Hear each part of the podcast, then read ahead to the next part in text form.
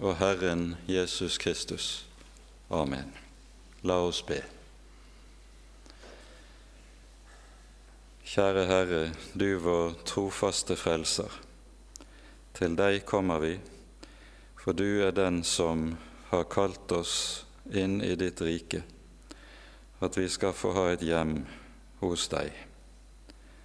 Takk, Herre Jesus, at du har gjort alt ferdig for at vi kan få lov til å hvile i din gjerning. Vi ber deg, Herre, Send din ånd med ditt lys og din sannhet, at vi må kjenne deg rett og bli bevart for ditt ansikt alle våre dager. Herre, forbarm deg over oss. Amen.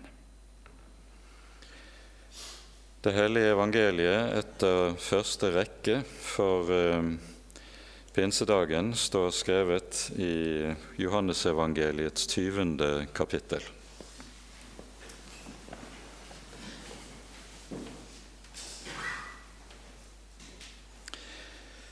Da det var blitt kveld samme dag den første dag i uken, var dørene lukket der disiplene var av frykt for jødene. Da kom Jesus og sto midt iblant dem og sa til dem:" Fred være med dere. Og da han hadde sagt dette, viste han dem sine hender og sin side. Da ble disiplene glade, da de så Herren. Jesus sa da igjen til dem, Fred være med dere. Like som Faderen har utsendt meg, sender også jeg dere. Og da han hadde sagt dette, åndet han på dem og sa til dem, Ta imot Den hellige ånd. Dersom dere forlater noen deres synder, da er de dem forlatt. Dersom dere fastholder dem for noen, da er de fastholdt. Dette var ordene, Hellige Far. Hellige oss i sannheten, ditt ord er sannhet. Amen.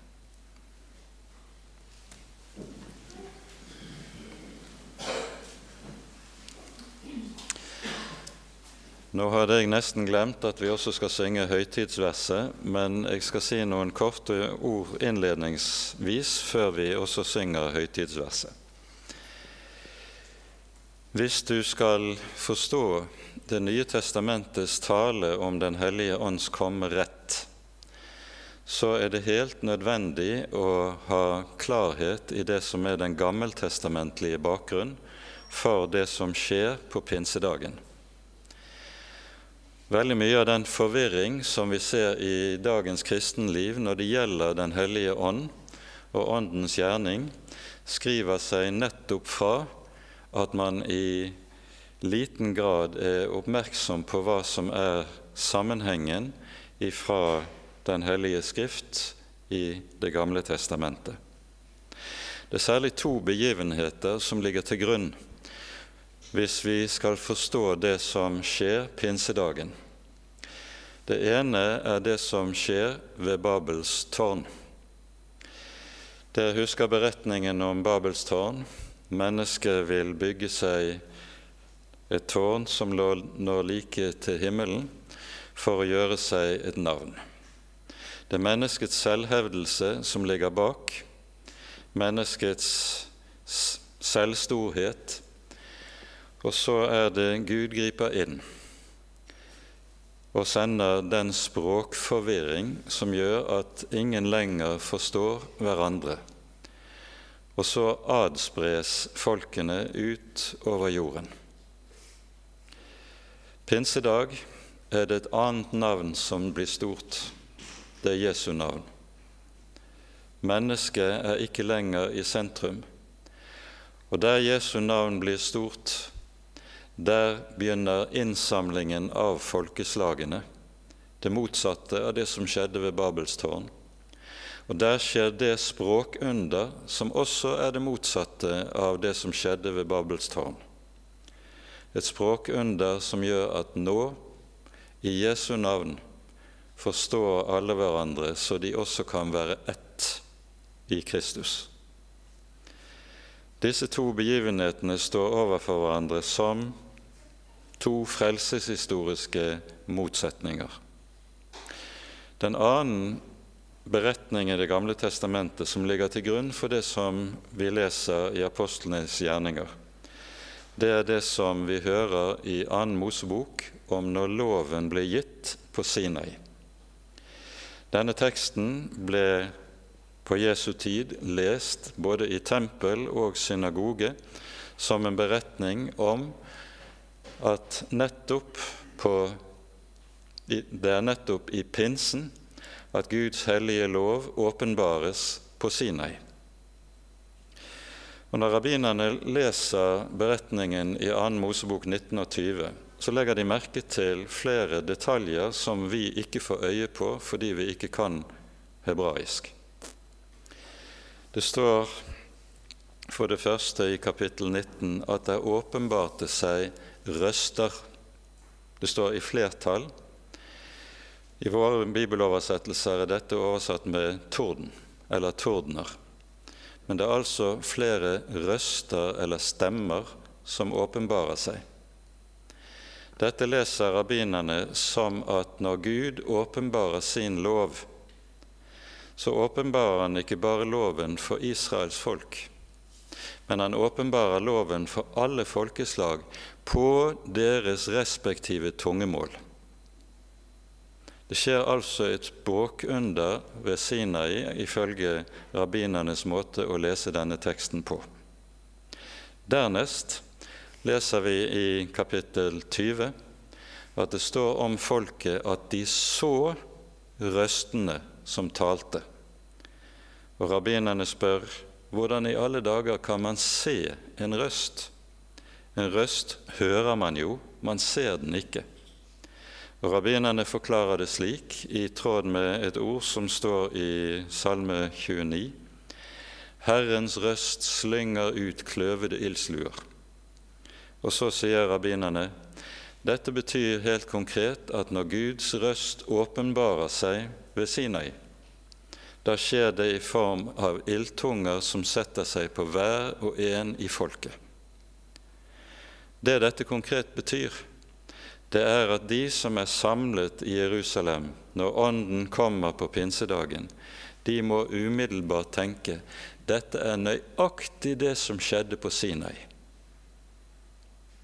Det skjer et språkunder tilsvarende det som skjedde ved Sinai, men nå tales det et ord som skal lyde til alle folkeslag. Og evangeliet og innsamlingen av folkeslagene begynner. Evangeliet er gitt oss, ikke kun til Israels folk. La oss da reise oss og synge høytidsverset på nummer 134.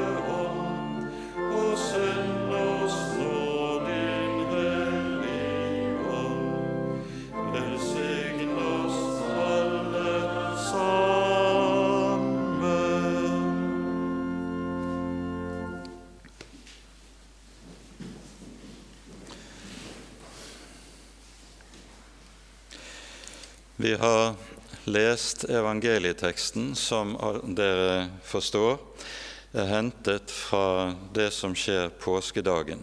Jesus kommer gjennom stengte dører, og åpenbarer seg for apostelkollegiet for første gang. Det er ti av dem til stede. Judas er borte, Thomas er et eller annet annet sted, slik vi hører omtalt senere i kapittelet. Og Jesus kommer altså gjennom stengte dører. Og vi hører to ganger i vår tekst, tre ganger i denne delen av Johannesevangeliet, at Jesus hilser disiplene med ordene 'Fred være med dere'. Og i Jesu munn, når han gjentar dette slik som vi hører det her, så er dette ikke kun en vanlig hilsen. Blant jødene hilser man jo hverandre slik vanligvis når man møtes 'Fred være med deg'. Men når Jesus gjentar dette sånn som vi hører det her, så er hele poenget med det at Jesus med dette minner disiplene om det han har sagt til dem tre dager tidligere under sin avskjedstale. Fred etterlater jeg dere, min fred gir jeg dere ikke som verden gir. Nå er freden vunnet, den fred som henger sammen med det Paulus skriver i Romerbrevets femte kapittel. Da vi nå altså er rettferdiggjort av troen, har vi fred med Gud ved vår Herre Jesus Kristus. Poenget er all synd er sonet Jesus har båret din og min synd på korset, tatt synden som ligger på deg og meg, fra oss, tatt den på sine skuldre, og i døden båret den inn i graven, og der ligger dine og mine synder igjen.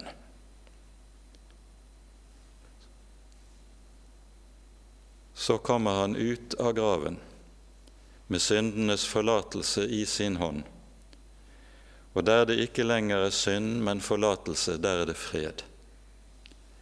Ved Jesu død og oppstandelse har han kjøpt oss en fred som han deler ut til sine små. Og dette er meningen med at han nå åpenbarer seg for disiplene med dette fred være med dere. Disiplene har er samlet bak stengte dører. Vi hører av frykt for jødene. Det var nok også en annen frykt som preget deres hjerter. Av kvinnene har de hørt ryktene om oppstandelsen. Maria Magdalene har møtt den oppstandende. Og de har ganske sikkert tenkt hva vil, hvis dette er sant, hvis han virkelig er stått opp, hva vil han si til oss vi som har sviktet så fundamentalt i forbindelse med korset. Kanskje han kommer med løftet pekefinger. Kanskje han kommer med tung refselse. Kanskje han kommer og sier dere har vist dere fullstendig udugelige til å være mine apostler, jeg må finne noen andre. Intet slikt lyder fra Jesu munn, ikke én bebreidelse han kommer ut med fred. Fred være med dere. For det er frukten av hans lidelse, som han stiger ut av graven for å dele ut til fattige syndere. Da ble disiplene glade da de så Herren, står det, for han viste dem sine hender og sin side. Og med det skal vi være oppmerksom på at dette er Den hellige ånds fremste gjerning. Når Paulus i Galaterbrevet underviser om Åndens gjerning, så spør han dem i det tredje kapittel hvem er det som har forgjort dere? Dere som har fått Jesus Kristus malt for øynene som korsfestet. Det er forkynnelsens gjerning, det er Åndens gjerning. Han skal male Jesus Kristus for våre øyne som korsfestet, slik at vi skal se og forstå evangeliet og forstå hemmeligheten med hans lidelse for vår skyld. Det er dette som også lyder hos profeten Zakaria når han profeterer om Åndens komme. Der lover Herren slik:" Jeg vil utgyde nådens og bønnens ånd, og de skal se opp til meg, som de har gjennomstunget. Der nådens og bønnens ånd kommer, som er Den hellige ånd, der ser vi opp til ham, han som blir gjennomstunget, og vet at i ham har vi vårt håp, i ham har vi vårt liv, i ham har vi vår trøst. Det er derfor Jesus viser dem sine hender og sin side, og sier med det, det er med disse sår jeg har kjøpt din fred.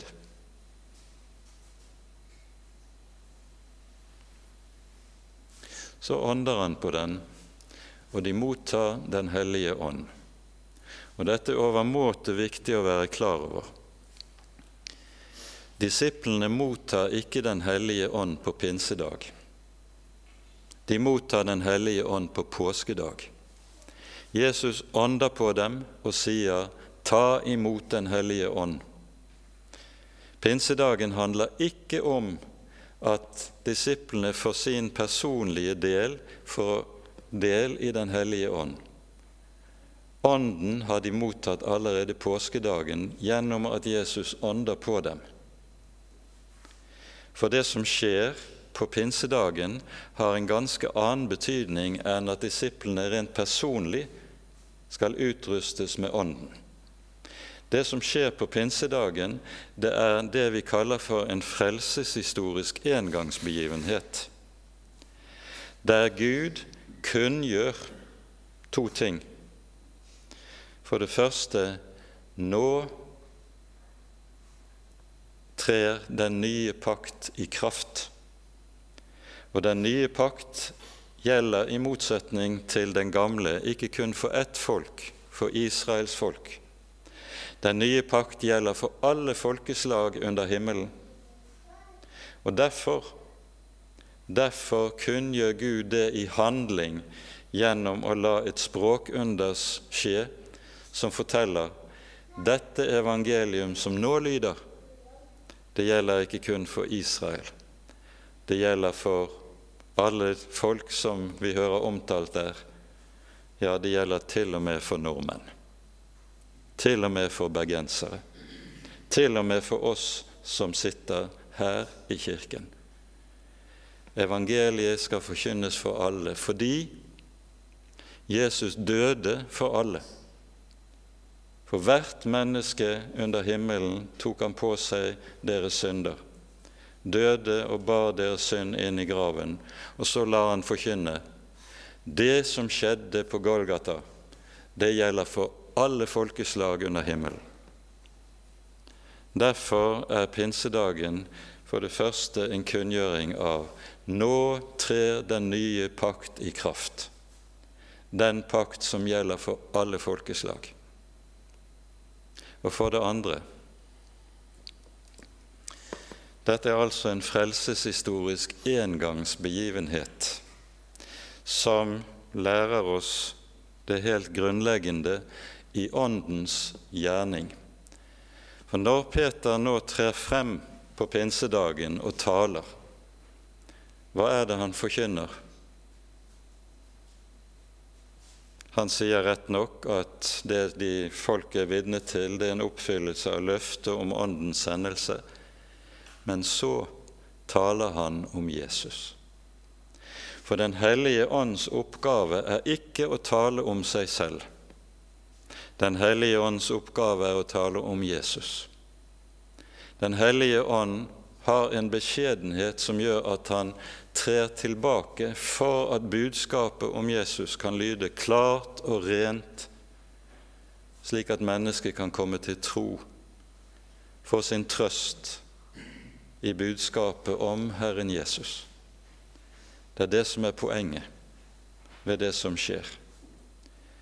Ånden taler ikke om seg selv, han taler om Jesus. Og med det skal vi også være klar over en annen hovedsak, som er en veldig misforståelse i våre dager. Der du stadig får høre fra ulike kanter at Den hellige ånd først og fremst representerer en kraftmeddelelse til menneskene. Den hellige ånd er for det første ikke én kraft, noe upersonlig. Den hellige ånd er en person én person i den treenige Gud, og derfor skal Ånden aldri omtales upersonlig som den eller det. Ånden skal omtales personlig som Han. Han er en person. Ved å omtale Ånden som den, så sier man egentlig at Ånden ikke er en person. Og da misforstår man. For Ånden er en person i den treenige Gud en person som har fått én bestemt oppgave, nemlig å vitne om Herren Jesus og hans gjerning. Så vil Ånden gi kraft. Kraft til hva? Ikke til at vi skal bli åndelige muskelmenn, men kraft til å vitne. Det sies helt uttrykkelig en rekke sammenhenger. Han gir kraft til å vitne. Hvorfor trengs det kraft til å vitne om Jesus? Fordi dette vitnesbyrdet kommer til å møte en voldsom motstand. Disiplene var etter Jesu død og etter påsken dypt forsakte, engstelige og redde.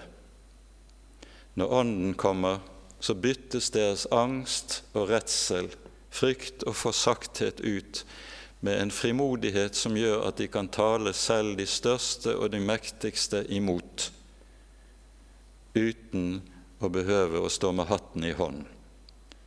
De har en åndelig frimodighet på evangeliets vegne som er gitt dem ved Ånden.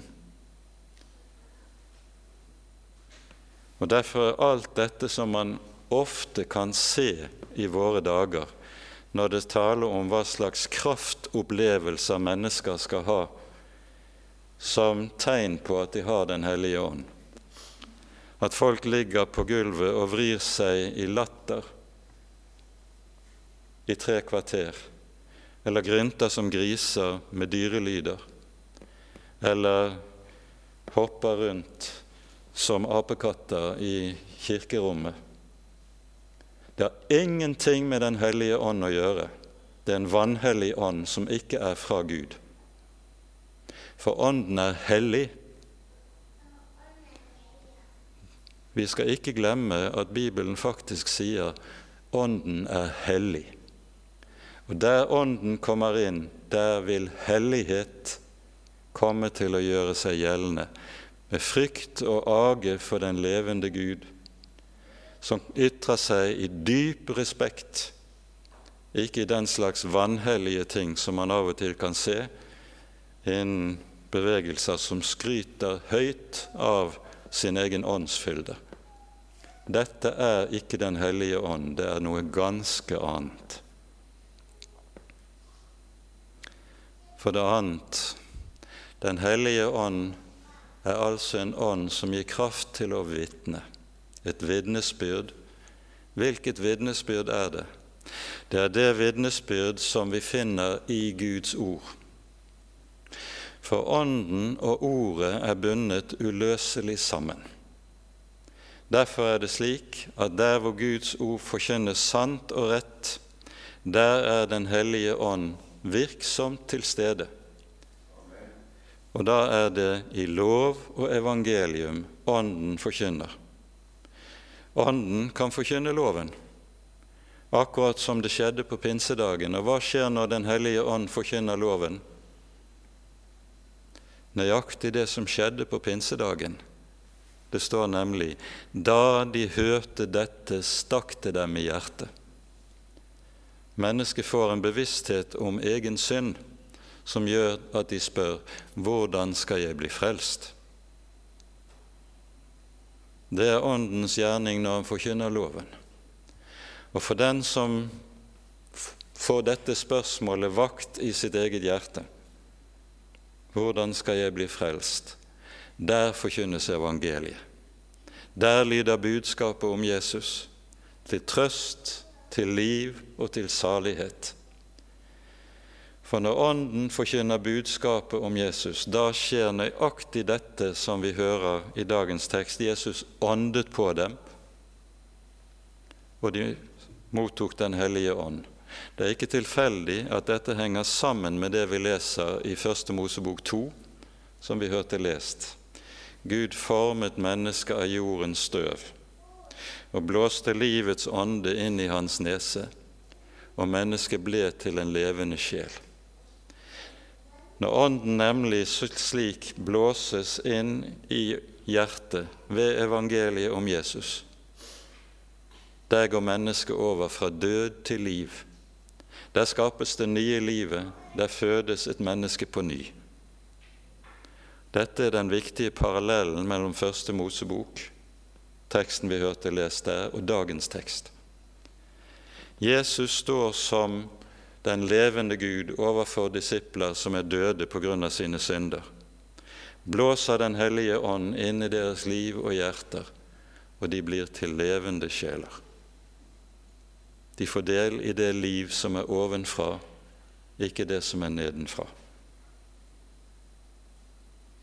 Og så sier Jesus, like som Faderen har sendt meg, sender jeg dere. To ting skal vi si når det gjelder dette, likesom, for vi skal legge merke til dette likesom. Det som gjelder Jesus' sendelse, skal gjelde apostlenes sendelse. For det første Jesus sier om seg selv at 'Jeg er sendt til verden for å søke og frelse det som er fortapt'. Det er forkynnelsens hovedoppgave. Den skal nå til en fortapt menneskehet for at de skal bli frelst. Dette er hele poenget med Jesu komme. Han døde for oss for at vi skal bli frelst. Og nå kommer Ånden, søker det som er fortapt, for at det skal bli frelst. Dernest sier Jesus om seg selv gjentatte ganger i Johannesevangeliet følgende.: Det ord jeg taler til dere, er ikke mitt, men Hans som har sendt meg. Som Faderen har talt til meg, slik taler jeg til dere. Det skal også være det som kjennetegner sann og rett kristen tale og forkynnelse. Vi skal ikke tale våre egne ord, våre egne tanker.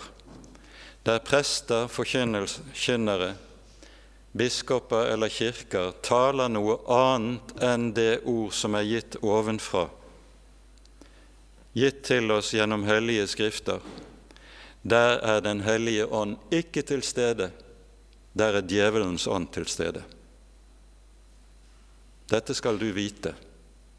Der den kristne kirke fornekter Guds ord og taler noe annet enn det Guds ord sier, der er Den hellige ånd ikke.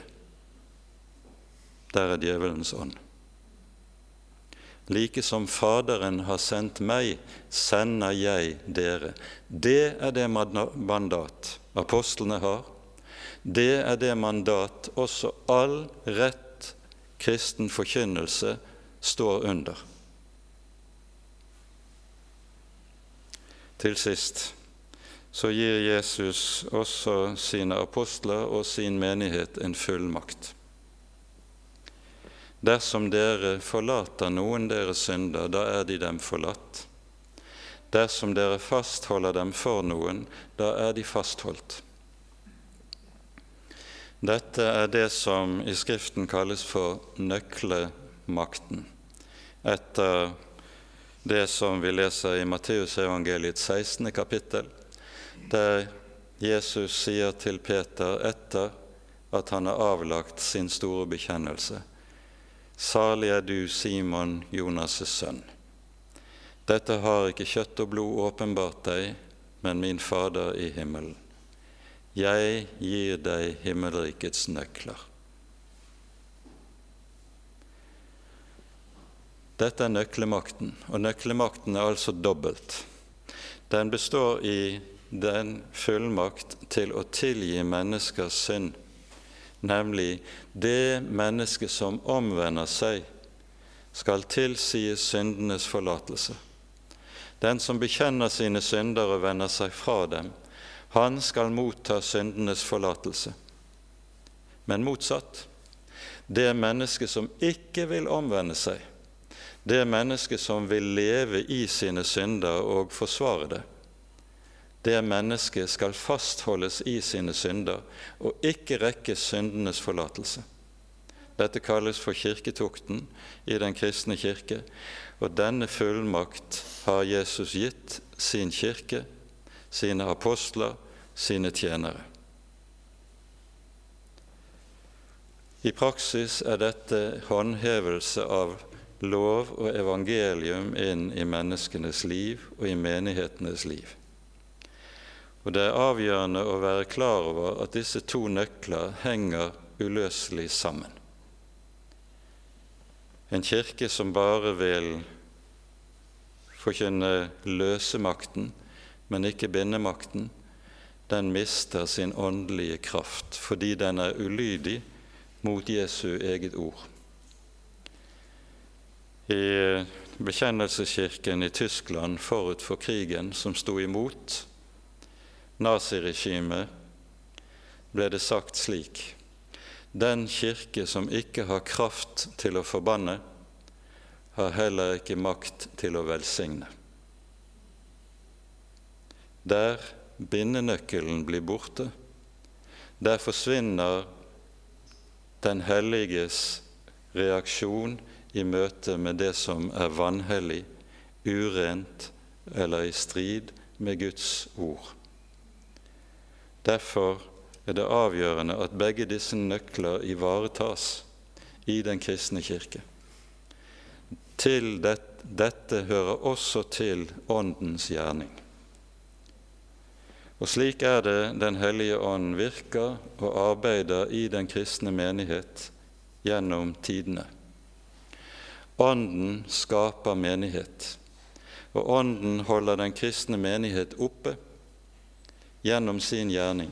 Den kristne menighet kan ikke eksistere uten Den hellige ånd stadig virker og er til stede ved ordets forkynnelse.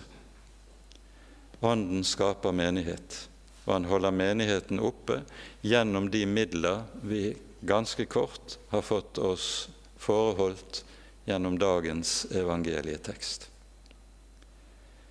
Og så minner vi igjen om det som var hovedsaken i Åndens gjerning. Han maler Kristus korsfestet for våre øyne, for våre hjerter, slik at hjertene kan ha en trygg visshet i at eier jeg Jesus, så eier jeg det jeg trenger for å nå det evige mål hos Gud. Det er nok.